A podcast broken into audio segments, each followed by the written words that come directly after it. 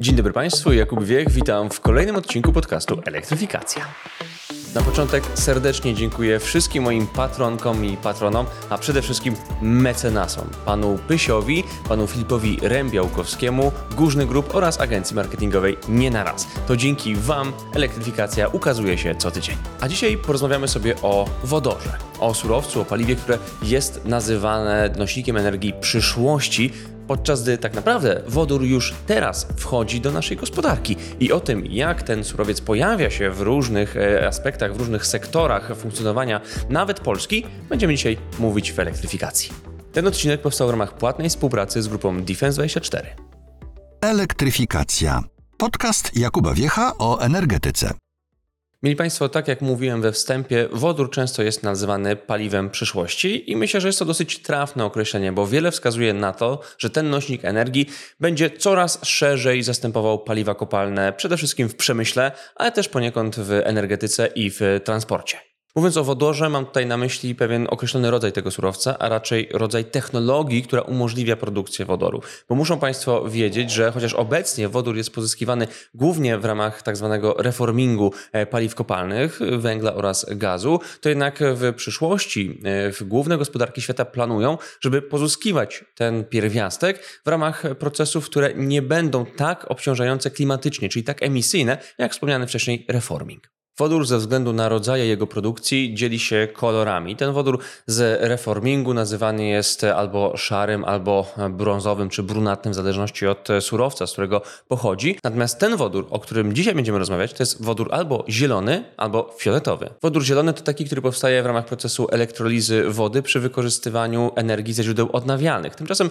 wodór fioletowy to taki, który również powstaje w ramach elektrolizy, ale przy użyciu energii z elektrowni jądrowych. Innymi słowy mówiąc, chodzi o to, żeby wodór był produkowany bezemisyjnie. Polska jest jednym z większych producentów wodoru zarówno w Europie, jak i na świecie. Nasz kraj produkuje rocznie około milion ton tego pierwiastka, co plasuje nas dosyć wysoko i też plasuje nas kompetencyjnie w gronie tych krajów, które e, jako posiadające doświadczenie przy już e, produkowaniu wodoru w ramach procesów emisyjnych mogą w miarę szybko zmienić tę wiedzę, te kompetencje w produkowanie wodoru w procesach bezemisyjnych i dzięki temu wskoczyć do tej wodorowej e, rewolucji, która już teraz gości na światowych rynkach. Tak jak powiedziałem wcześniej, wodór już teraz wchodzi do naszej gospodarki i przykłady tego wchodzenia widzimy nawet w Polsce. O czym mowa? Ano chociażby o tworzonych w różnych miejscach naszego kraju tak zwanych dolinach wodorowych, czyli de facto takich konglomeratach, które mają na celu e, budowę infrastruktury oraz pewnych narzędzi formalno-prawnych do przyspieszenia produkcji zielonego wodoru.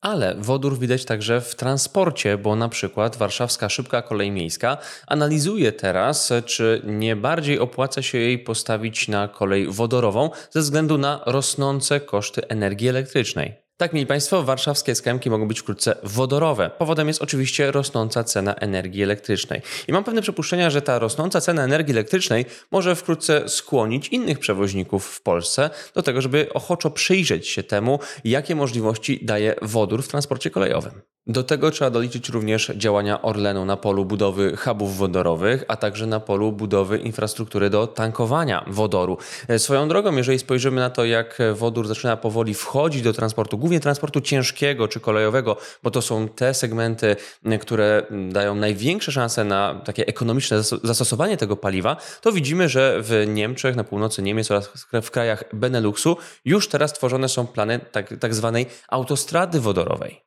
Chodzi o to, żeby zbudować drogę, przy której e, będą stacje tankowania wodorem e, i dzięki nim e, ciężarówki z napędami wodorowymi będą mogły szybko i sprawnie przemieszczać się w sposób praktycznie bezemisyjny. Istotne prace toczą się także na polu badania możliwości magazynowania wodoru. Muszą Państwo wiedzieć, że to jest pierwiastek, który sprawia dosyć duże problemy, jeżeli chodzi o jego długotrwałe magazynowanie, składowanie i dlatego na przykład różni eksperci patrzą z coraz większą ciekawością na polskie formacje łupkowe, sugerując, że to właśnie tam, w tych kawernach łupkowych można składować wodór. Tak pokrótce zarysowałem wachlarz różnych możliwości zastosowania wodoru, natomiast teraz przejdę do bardziej szczegółowej analizy, a zaprosiłem do niej pana Grzegorza Jóźwiaka, dyrektora Departamentu Paliw Alternatywnych z grupy Orlen. A razem ze mną już jest pan dyrektor Jóźwiak. Dzień dobry.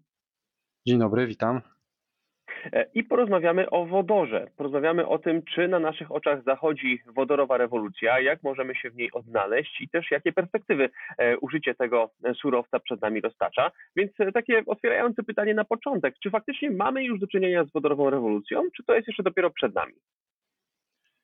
Oczywiście moim zdaniem e, rewolucja się zaczęła, bo mm, no, wiele projektów wodorowych e, zostało uruchomionych nie tylko w Polsce, nie tylko przez Orlen, ale, ale również w Europie i, i na całym świecie.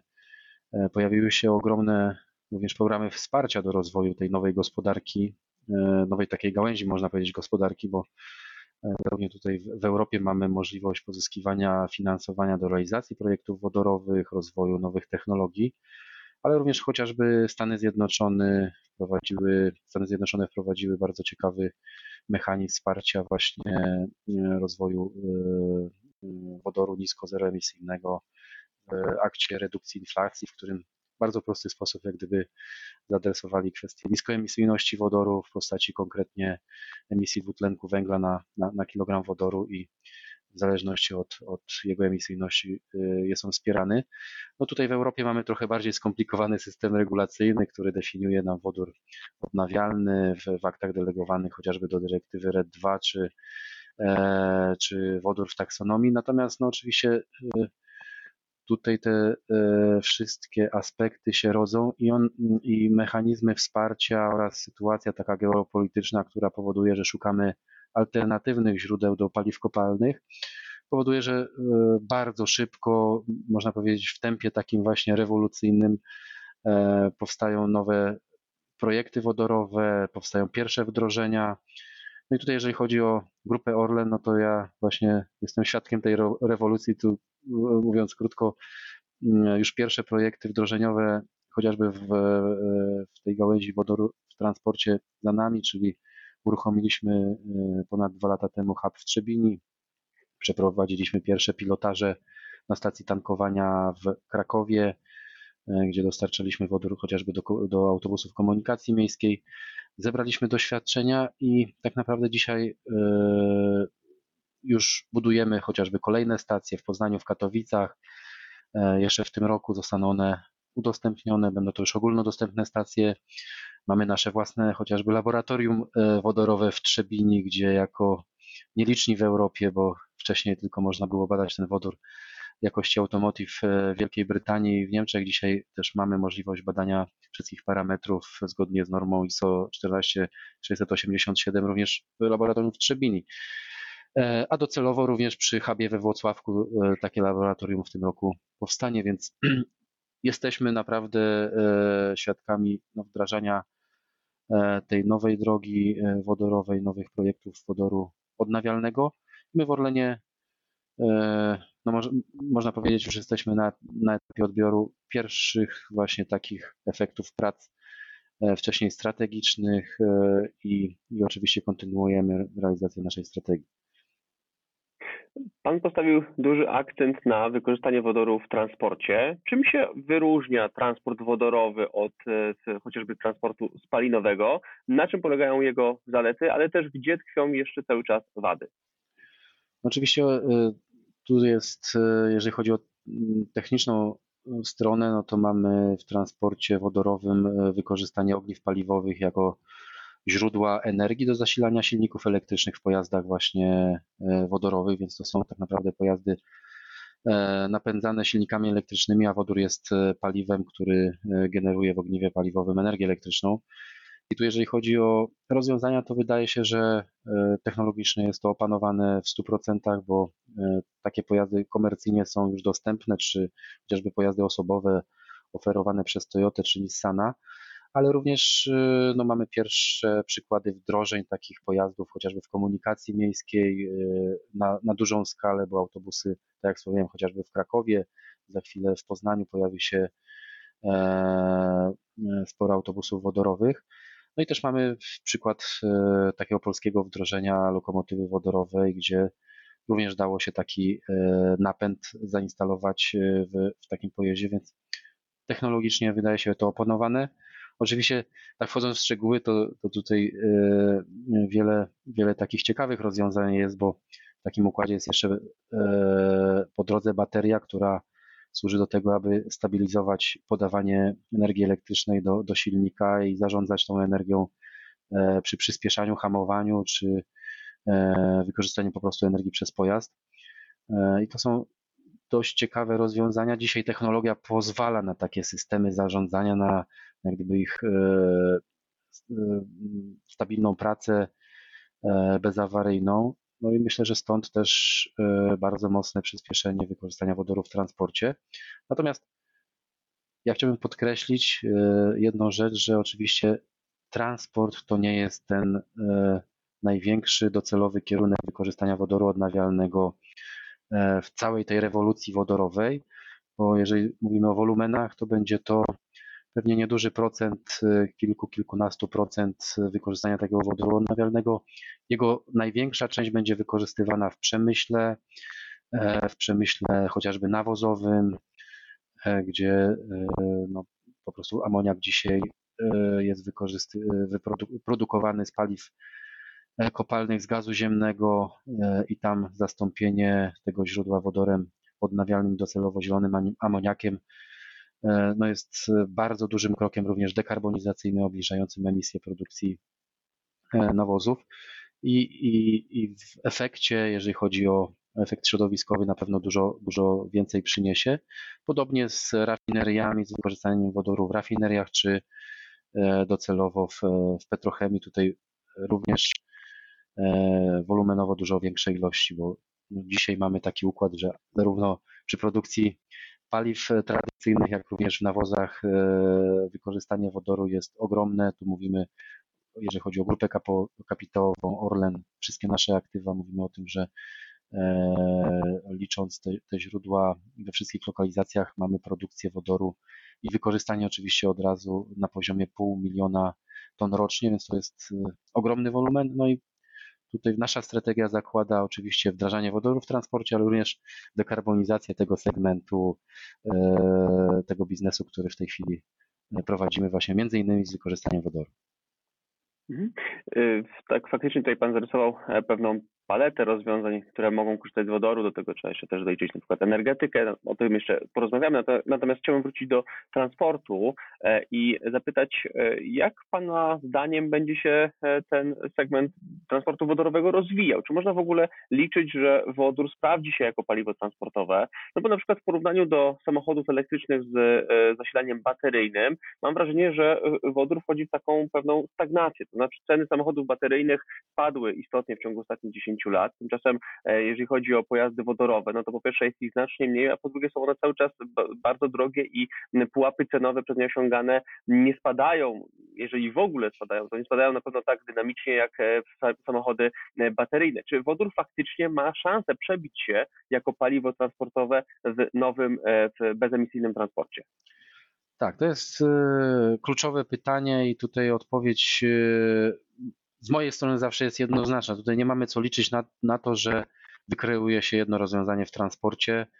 E, e, tu w Orlenie uważamy, że to będzie miks rozwiązań e, i, na pewno oczywiście tutaj, jeżeli chodzi o rozwiązania bateryjne w pojazdach osobowych, one przeżywają ciągły rozwój. My też, jeżeli chodzi o infrastrukturę do tankowania, mocno stawiamy na to, aby ta infrastruktura powstawała i żeby była własnością Orlenu, dlatego że e, no, ten rynek też będzie się e, bardzo szybko rozwijał. Z, z analiz wynika, że faktycznie to będzie logarytmiczne tempo, natomiast e, no, biorąc pod uwagę ilość pojazdów osobowych na, na rynku, to na pewno docelowo będzie to miks, gdzie procentowo e, tutaj szczególnie w obszarze, w segmencie pojazdów osobowych wodór na pewno nie będzie wiodący.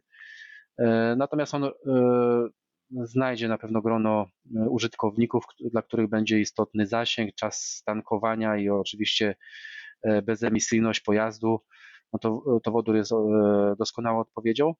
Natomiast biorąc pod uwagę jak gdyby docelowe jego przeznaczenie w transporcie, to tutaj my uważamy, że przede wszystkim on się sprawdzi w transporcie e, chociażby miejskim, w komunikacji miejskiej, czy w takich rozwiązaniach e, flotowych, taksówkarskich, gdzie, gdzie faktycznie wartość dodana z wdrożenia takiego rozwiązania jest ogromna, bo po pierwsze E, mamy pojazd bezemisyjny w mieście, który no, charakteryzuje się też niższym hałasem niż te pojazdy spalinowe.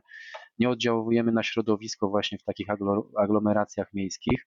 No i oczywiście nie mamy problemu z czasem tankowania, e, z dostępnością jak gdyby wodoru, bo e, lokalizując stację tankowania, organizując odpowiedni system logistyki dla wodoru, no, gwarantujemy wtedy taką, można powiedzieć, E, stabilność dostaw i, i, i pewność e, pracy takich układów. Więc to jest taki obszar, gdzie ja, e, tutaj uważamy, że na pewno w, komunika w komunikacji miejskiej te rozwiązania wodorowe się sprawdzą. Jest też ogromne zainteresowanie rynku tutaj polskiego tymi rozwiązaniami. Potrzebna jest oczywiście też ten efekt skali, żeby te koszty tych autobusów spadły, ale wydaje się, z naszych obserwacji rynek na tyle się mocno rozwija, że nie będzie już jak gdyby takich wiodących e, firm, które tylko i wyłącznie się w tym specjalizują i troszeczkę wykorzystują to na rynku. Natomiast no, ta konkurencja nastąpi i miejmy nadzieję, że, że te ceny spadną i docelowo bardzo szybko ten kierunek się rozwinie. A takim docelowym tutaj e, też rynkiem, który, na który my stawiamy i widzimy też E, bardzo mocne wsparcie e, Unii Europejskiej to jest e, transport ciężki, gdzie faktycznie te rozwiązania bateryjne na pewno tutaj no, słabo się sprawdzą, jeżeli chodzi o zasięg i, i, i masę całkowitą pojazdów, to, to, to, są ogromne wyzwania. Natomiast no, wodór, wodór będzie tu ciekawym rozwiązaniem na to, żeby właśnie taka, taka możliwość E, transportu ciężkiego w Europie powstała i między innymi takie inicjatywy e, chociażby korytarzy północ-południe tutaj w Polsce przez drogę E75 już powstały przy okazji e, programu IPCEI wodorowego. My jako Orlen uczestniczymy z naszym projektem Hydrogen Eagle, gdzie jesteśmy takim można powiedzieć puzzlem w całej układance i w Polsce ten transport ciężki jednak te szlaki prze, przez nasz kraj przebiegają i, i, to bardzo ciekawa inicjatywa, gdzie moglibyśmy wybudować infrastrukturę w ramach tego projektu i zapewni, zapewnić e, z jednej strony ten e, zeroemisyjny transport przez Europę, a z drugiej strony oczywiście e, ten e, dostęp do wodoru e, byłby właśnie w Polsce produkowany w naszych hubach produkcyjnych. E, to, to, to dość ciekawa inicjatywa, o której też warto wspomnieć. A tak z perspektywy operatora, powiedzmy, sieci e, stacji tankowania e, wodorem, czy wodór sam w sobie jako pierwiastek nie jest dosyć problematyczny? To znaczy, jeżeli chodzi o jego przesył, jego składowanie, czy to samo w sobie już jakoś nie implikuje pewnych trudności, jeżeli chodzi o jego dostępność jako paliwo transportowe? Tak, tu no, należy podkreślić, no my w Orlenie mamy doświadczenie z wodorem od, od zarania dziejów, bo go wykorzystujemy w rafinerii i E, I oczywiście tutaj, jeżeli chodzi o magazynowanie, transport, to, to na pewno należy zaznaczyć, że e, wodór nie, e, nie należy traktować wodoru jako magazyn energii.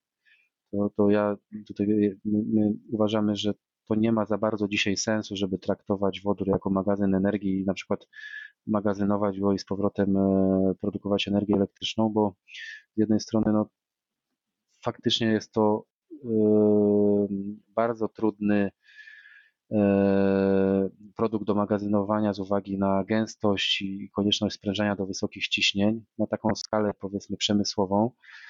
E, dlatego e, no, dzisiaj wypracowane rozwiązania na rynku z właśnie z, z magazynami typu czwartego, ze zbiornikami polimerowymi, no, są doskonałą odpowiedzią na to, żeby wykorzystywać wodór chociażby właśnie w transporcie, w, w pojazdach osobowych, ale to jest magazynowanie na małą skalę, które pozwala E, tutaj do pewnych granic jak gdyby organizować cały, e, całą logistykę i dostawy wodoru.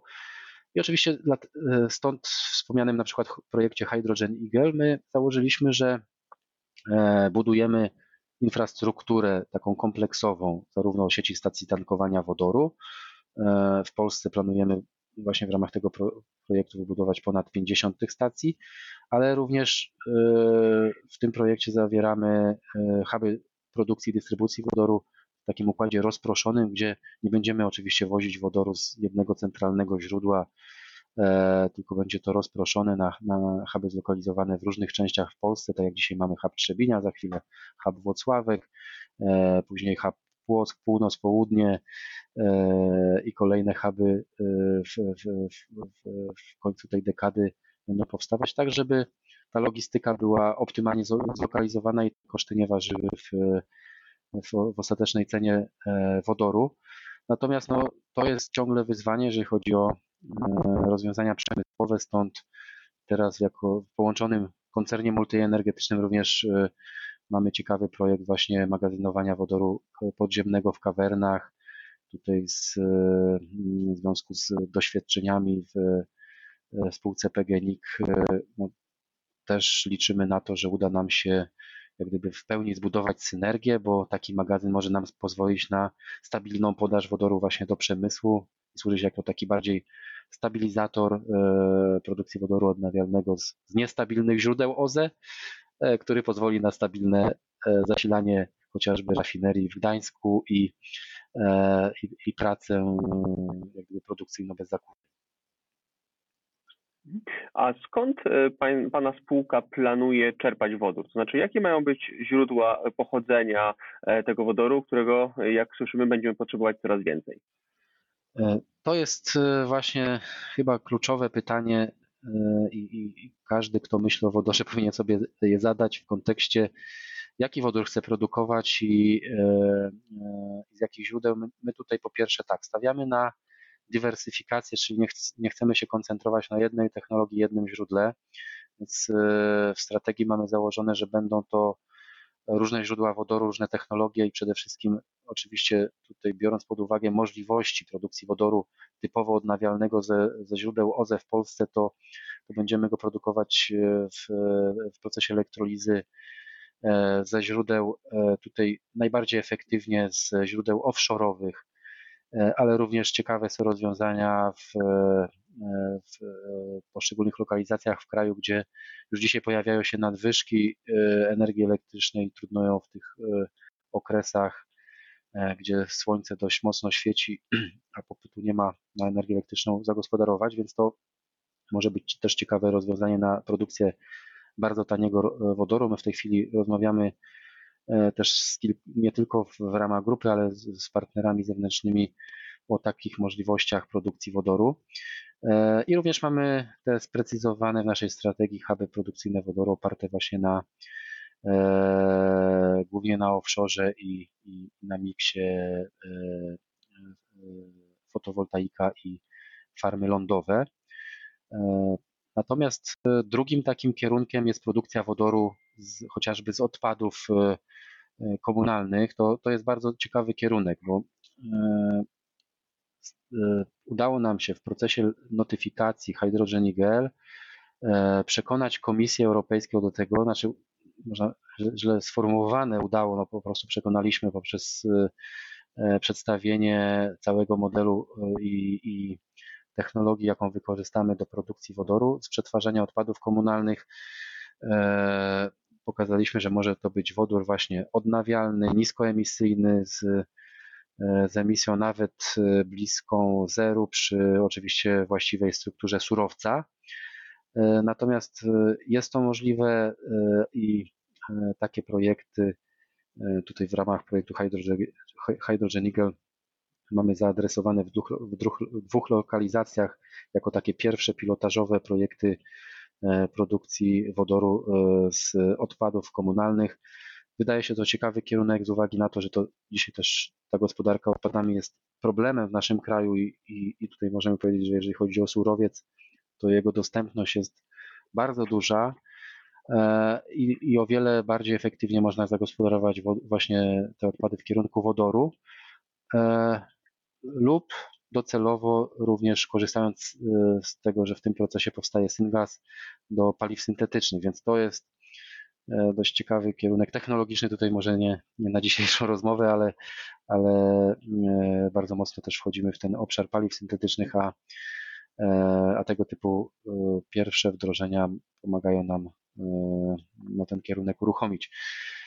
A takim też no, źródłem wodoru są dzisiaj istniejące źródła, czyli reformingi parowe metanu, gdzie staramy się rozwijać dwukierunkowe obniżanie emisji tej produkcji wodoru. Pierwszy to jest rozwój projektów związanych z CCS-em, czyli wychwytem dwutlenku węgla z tej produkcji i skierowaniem do, do magazynowania. A drugi kierunek to jest oczywiście produkcja biowodoru, czyli wykorzystanie biometanu do, do produkcji właśnie wodoru odnawialnego z, z tego kierunku. To będzie oczywiście biowodór, ale biorąc pod uwagę główny cel, czyli ograniczenie emisji, o niczym nie odbiegające rozwiązania od od e, produkcji wodoru zielonego z, ze źródeł OZE. Więc tutaj, biorąc pod uwagę nasz kraj, no należy patrzeć na, na to, co dzisiaj możemy wykorzystać bardzo efektywnie, no bo trudno nam będzie konkurować z produkcją wodoru e, tutaj ze źródeł OZE z takimi krajami, które mają dużo lepsze nasłonecznienie czy, czy wieczność w, w projektach e, produkcji energii elektrycznej z OZE. E, chociażby takimi jak Hiszpania, czy, czy Chile, czy, czy, czy pewne regiony Stanów Zjednoczonych.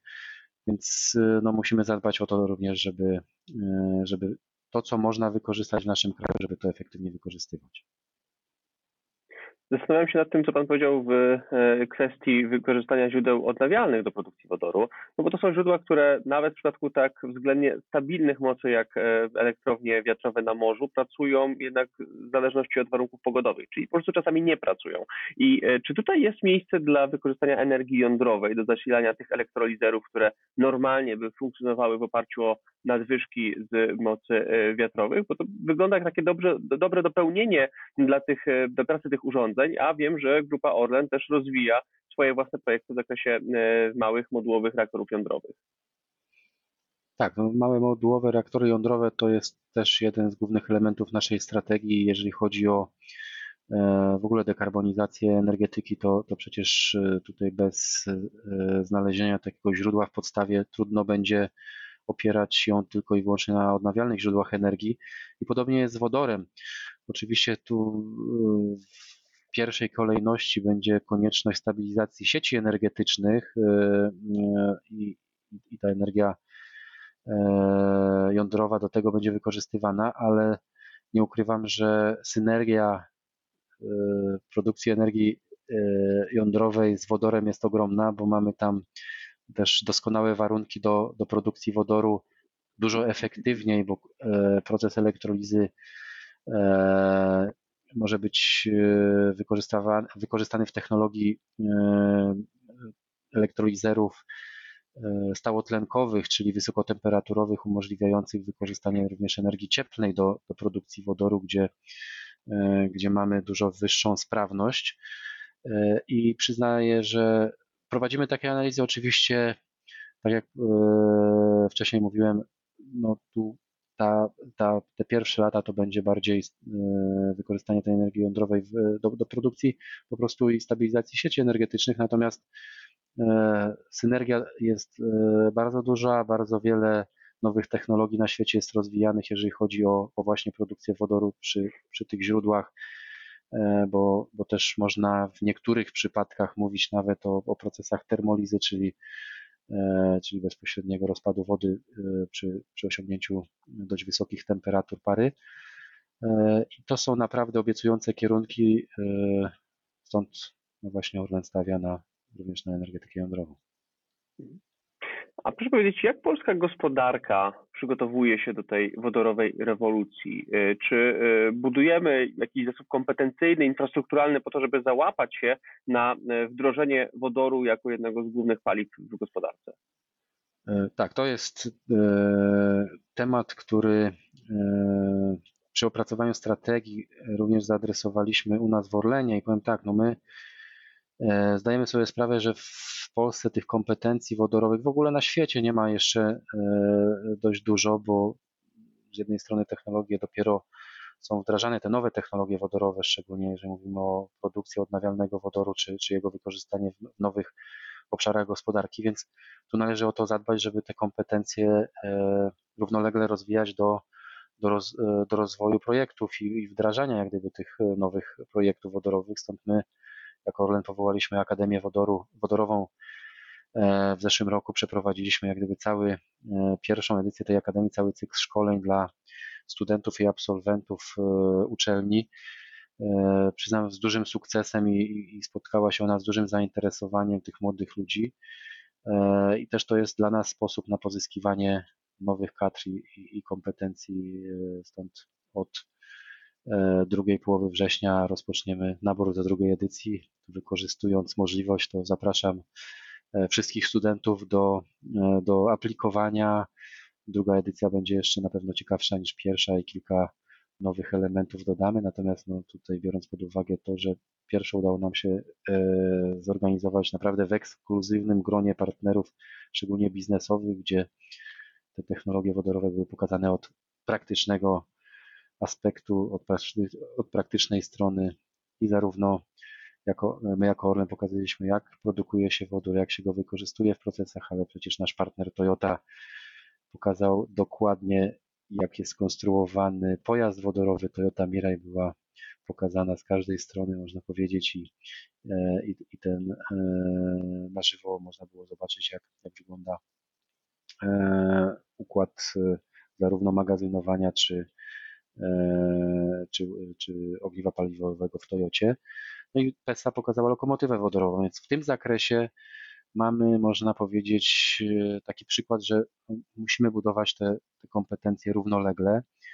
E, w skali Polski to, co widać, no jest bardzo duże zainteresowanie i my chyba jako taki też można się pochwalić tym, że stworzyliśmy taki kierunek budowy dolin wodorowych, E, w różnych postaciach te doliny powstają, ale głównie są to e, doliny, które mają gdzieś takiego centralnego biznesowego partnera i, i e, uczelnie oraz instytucje finansujące, które pracują nad małymi, dużymi projektami wodorowymi w zależności od, od lokalizacji. To jest coś ciekawego, co, co zostało jak gdyby też wsparte przez Ministerstwo Klimatu środowiska i, i widać, że oddolnie jak gdyby te inicjatywy dzięki tym dolinom będą się tworzyć i nowe projekty wodorowe będą powstawać, więc tutaj e, no naprawdę ciekawy, e, duży plus, e, jeżeli chodzi o, o to, że środowisko może ze sobą rozmawiać, że jest lokalnie inicjatywa tworzenia projektów, pozyskiwania środków finansowych, bo musimy pamiętać, o tym, że, że tych programów wodorowych wspierających nowe technologie jest bardzo dużo. I oczywiście, jeżeli tu nie skorzystamy my, no to wiadomo, że, e, że te unijne środki popłyną w innych kierunkach, co no, może spowod- mogłoby spowodować, że zostaniemy w tyle, ale tutaj chyba nie mamy cze- czego się wstydzić i raczej e, widać, że, e, że tutaj jest chęć nie tylko Orlenu, ale, ale dość sporego grona podmiotów do tego, aby bardziej liderować w tym kierunku pozyskiwania tych środków i rozwoju nowych technologii. Czyli Polska, która już teraz jest jednym z większych europejskich e, producentów wodoru, może wskoczyć na ten nowy poziom rozwoju i brać udział w e, rewolucji, która ma na celu wplecenie tego surowca jako paliwa dla e, neutralności klimatycznej. Ja uważam, że tak. Należy zaznaczyć, że my jako Polska dzisiaj produkujemy, wykorzystujemy ponad milion ton wodoru, wodoru szarego oczywiście, ale e, jesteśmy trzecim producentem w Europie, więc kompetencje takie e, bieżące, jeżeli chodzi o obsługę instalacji, bezpieczeństwo procesowe bardzo istotne, no to mamy bardzo wysokie i powinniśmy to wykorzystać. A z drugiej strony, no, mm, w całym tym kierunku budowy nowej gałęzi gospodarki wodorowej jest bardzo ważne, aby był oczywiście producent wodoru, ale również, żeby był popyt, więc mamy tutaj bardzo unikatową okazję do tego, aby ten wodór szary sukcesywnie zastępować wodorem odnawialnym e, i, i, przejąć, i, i objąć taką właśnie też e, rolę może takiego lidera w, we wdrażaniu tych technologii, bo nie, nie wszystkie państwa, te, które mają być może dostęp do dobrych źródeł OZE, niekoniecznie mogą znaleźć szybko e, i na miejscu odbiorcę, więc więc to jest e, bardzo ciekawy dla nas e, kierunek i punkt wyjścia. Natomiast to też mamy bardzo dobre grono naukowców. Ja się przekonałem o tym również przy okazji Akademii Wodoru, że młodzi ludzie, no, jeżeli chodzi o wodór, to wiedzą o czym mówią i, i bardzo wiele ciekawych projektów powstało przy okazji tej Akademii Wodoru.